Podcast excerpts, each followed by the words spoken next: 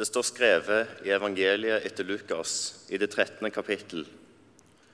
På reisen til Jerusalem dro Jesus fra by til by og fra landsby til landsby og underviste. Da var det en som spurte, 'Herre, er det få som blir frelst?' Han sa til dem, 'Kjemp for å komme inn gjennom den trange døren.' For jeg sier dere, mange skal forsøke å komme inn, men ikke klare det. Når husherren først har reist seg og lukket døren, og dere blir stående utenfor og banker på og sier, Herre, lukk opp for oss, da skal han svare, Jeg vet ikke hvor dere er fra. Da vil dere si, Vi har jo spist og drukket sammen med deg, og du har undervist på gatene våre. Men han skal svare, jeg vet ikke hvor dere er fra. Bort fra meg, alle dere som gjør urett. Der skal dere gråte og skjære tenner når dere ser Abraham og Isak og Jakob og alle profetene i Guds rike, mens dere selv ble kastet utenfor. Fra øst og vest og fra nord og sør skal mennesker komme og sitte til bords i Guds rike. Da skal noen som er de siste, bli de første, og noen som er de første, bli de siste. Slik lyder det hellige evangelium. Noen av de siste skal bli de første.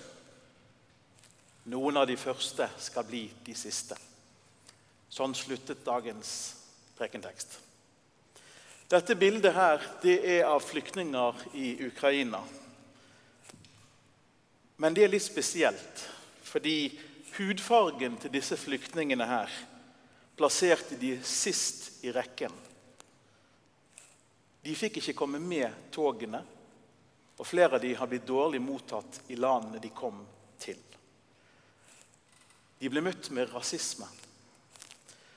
Og Vi skal ikke tenke at den rasismen ikke finnes i Norge heller, for det gjør han. Men det var nå der det skjedde, da. De ble sist. Det skjer fremdeles at noen plasseres sist.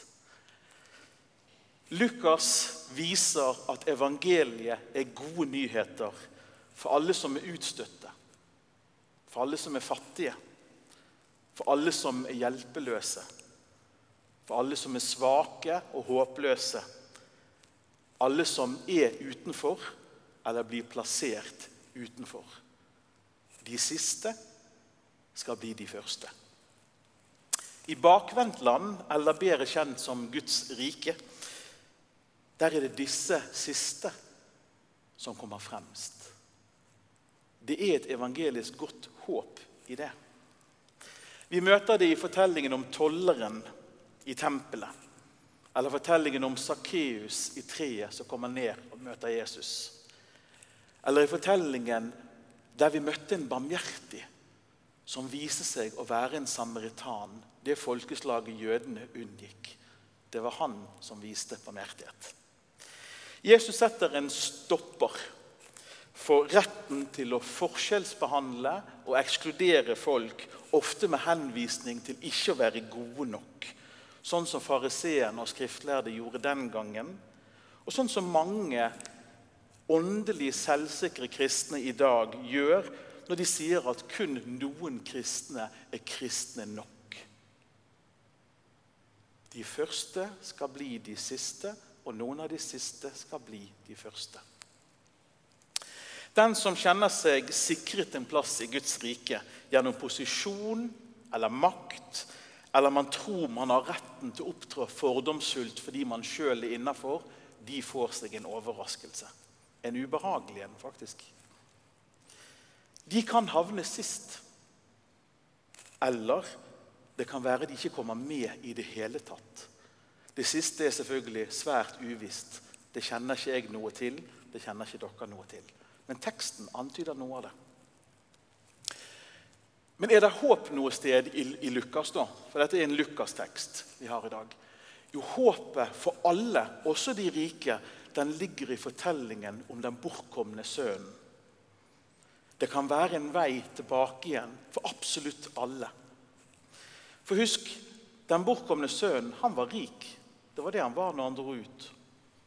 Han forsømte alt, men han var rik. Han er blant de rike Jesus adresserer. Og så snakkes det om kamp i denne teksten her. Kampen består i kampen for å komme tilbake til seg sjøl. Kampen for å se at ingen av oss har krav på noe fra Gud, eller vi kan kreve å gjøre seg fortjent til himmelen. Det er ingen av oss som har et krav på himmelen. Tvert imot. Og det gjelder alle.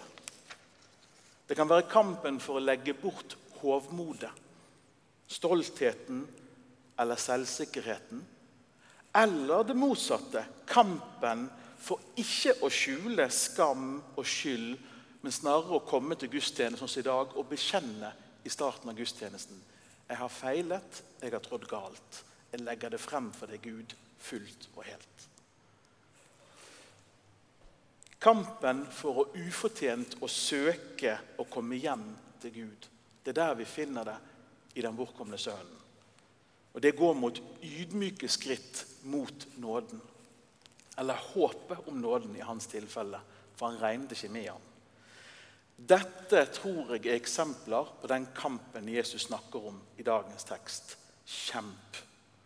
Det er sånne kamper jeg ser for meg. Vi kan få opp neste bilde. Herre, er det få som blir frelst? Det er det dirrende spørsmålet i hele teksten.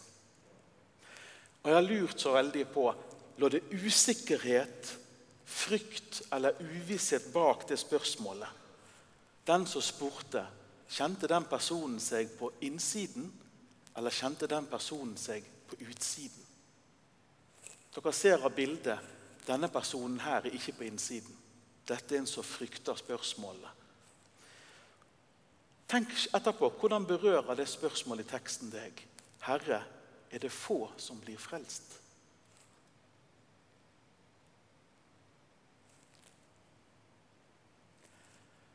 Det er ofte de feile som tar til seg sånne tekster som vi leste i dag. De som allerede dømmer seg sjøl hardt, de hører alt i disse tekstene. Alltid. Og de plasserer seg gjerne med en gang på utsiden. Og så tenker jeg at Jesus snakket faktisk ikke til de. Det er feil målgruppe som lytter. Kanskje de heller er blant de som rykker fremover i køen mot de første, snarere enn å være blant de siste.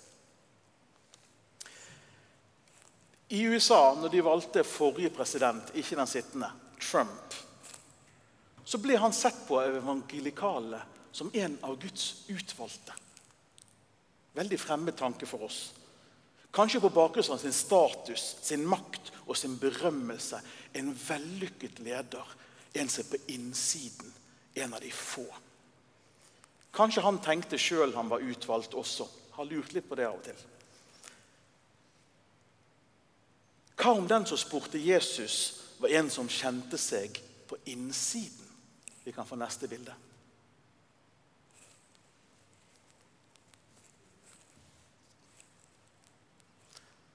Hvordan treffer spørsmålet deg nå, hvis jeg legger det i munnen til Trump? Blir da spørsmålet eh, selvsikkert? Er det få som blir frelst? Blir det hovmodig? Blir det ironisk eller til og med sarkastisk hvis jeg gjør dette? Husk, jeg har plassert ordene i Trumps munn. Han har ikke sagt dette selv. Men nå bruker jeg for dette bildet Jeg finner ikke noe bedre bilde på litt sånn fornøyd med livet. Er det en som fisker etter å få bekreftelse på å være blant de utvalgte få og tenker alt i orden med Gud? Nå skal du bare bekrefte det, Jesus. Jeg er innafor. Er det det som ligger i spørsmålet? Ved å spørre disse spørsmålene til teksten så prøver jeg å demonstrere noe. Jeg vet ikke sikkert hva som lå i spørsmålet til den som spurte. Og Teksten sier ingenting om det, men det må være lov å undre seg. Jeg vet heller ikke hva du tenker og hører når du leser spørsmålet 'Herre, er det få som blir frelst?' Det er mye undring i denne fasetiden, og det tror jeg er viktig. Jeg har ikke svarene alltid. Har noen få men mangler mange. Og Jeg blir ikke alltid helt klokere når Jesus svarer her. For Jesus svarer indirekte på en litt rar måte. Jeg lurer på om Jesus sitt svar er ment å få oss alle til å kjenne på hvordan det oppleves for mange daglig. Å kjenne hvordan det er å være ekskludert. Å være blant de siste. Kanskje vil Jesus gjennom det ubehaget lære oss noe om hvordan vi skal behandle menneskene rundt oss. Ved å kjenne på dette utenforskapet sjøl. Ok, La oss se litt nærmere på billedbruken. Neste bilde.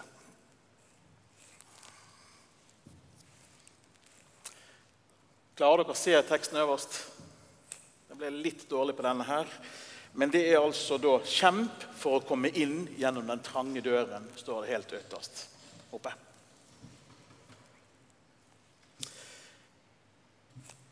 La oss begynne med bildet. Veien til frelse til Guds rike er en trang dør. Et merkelig bilde. Hvis den døren er trang nok For noen av oss jeg skal ikke nevne navn, så tar det litt tid å komme seg, snike seg gjennom en veldig trang dør. Du må ha litt tid. Prøver å gå sidelengs og håper det hjelper. Hvis mange tillegg skal inn samtidig Se på bildet. Da kan det både bli trengsel og kamp på mange nivå. Det ser ikke veldig kjekt ut å skulle inn den døren der sammen med de andre. Men det ligger noe i bildet som er viktig.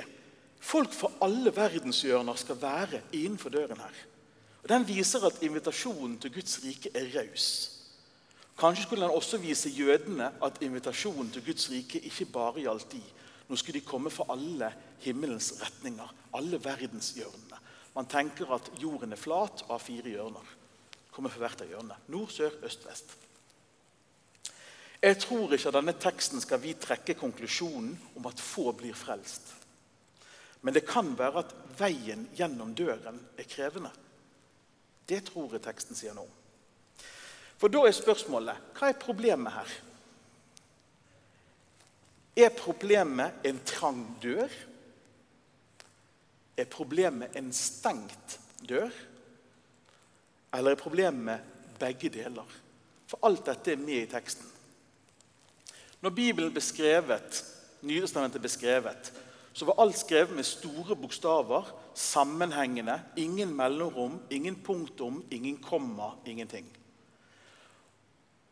Og Da vet vi ikke helt hvor hver setning skal slutte og begynne. Hør om du hører forskjell på disse to setningene. For jeg sier dere, mange skal forsøke å komme inn, men ikke klare det. Punktum. Når husherren først har reist seg og lukket døren, og dere blir stående utenfor og banker på og sier, 'Herre, lukk opp for oss', da skal han svare, 'Jeg vet ikke hvor dere er fra'. Sånn har de som oversetter teksten, tolket hvor punktum skal stå. Hør om den høres annerledes ut når jeg tar vekk punktum. Husk, det står ingen punktum i grunnteksten. For jeg sier dere, mange skal forsøke å komme inn og ikke klare det når husherren først har reist seg og lukket døren, og dere blir stående utenfor og banker på og sier, 'Herre, lukk opp for oss.' Da skal han svare, 'Jeg vet ikke hvor dere er fra.' Når lukkes døren? Er det etter døren er lukket det vanskelig å komme inn, eller er det før? Det er uklart.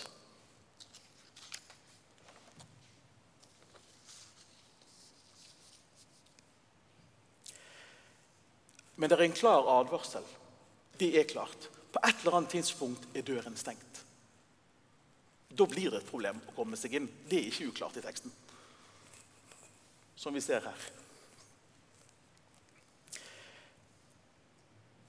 Jesus advarer mot å tenke at det er bare noen få utvalgte på bakgrunn av det de tror, og at de lever rett, og at de tilhører det rette folk og alt sammen sånt at det handler om å være god nok. Jeg tror Jesus advarer kraftig mot det i teksten her. Det er ingen som er automatisk sikret en plass ved bordet. Alle har en kamp å kjempe for å komme inn gjennom den trange døren. Jeg håper selvsagt at alle skal komme frem, selv om teksten ser ut til å si noe annet. Jeg håper og vil fortsatt håpe på at alle kommer frem. Det å ha drukket og spist med Jesus er ikke godt nok, ser det ut som.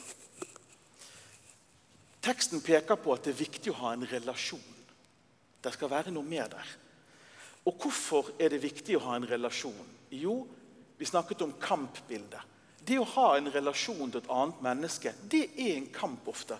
Vi må investere i relasjonen, vi må utvikle relasjonen, vi må opprettholde relasjonen. Og det er kun da han kan prege oss. Det koster noe også å stå i relasjon til andre.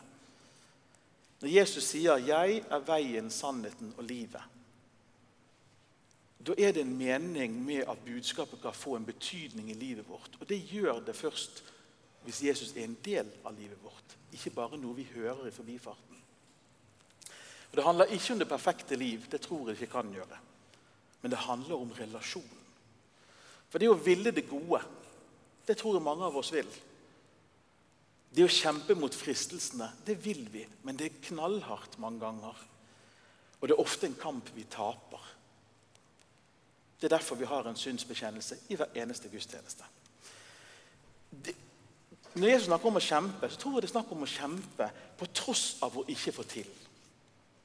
Å være opptatt av hva man kan få til sammen med Gud, ikke på egen hånd.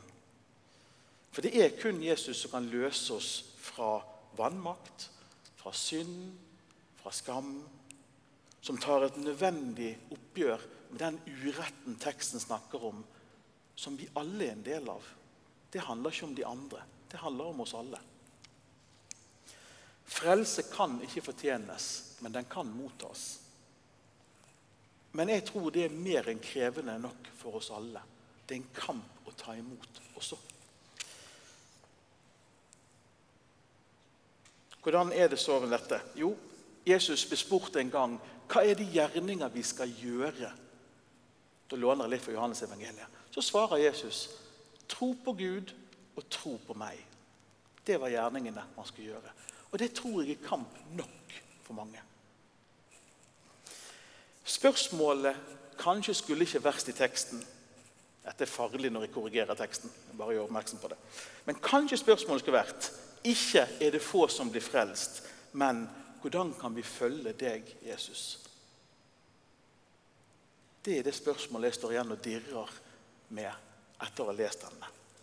For hele poenget til Lukas i talen om Guds rike det er at Guds rike er midt iblant oss nå. Det er allerede her. Og det er noe godt i, og så er det noe litt, sånn, litt skremmende ved det òg. Det jeg håper skal være ordene til oss, det er Salig er den som får sitte til bords i Guds rike. Ære være Faderen og Sønnen og Den hellige ånd, som var, er og blir en sann Gud, fra evighet og til evighet.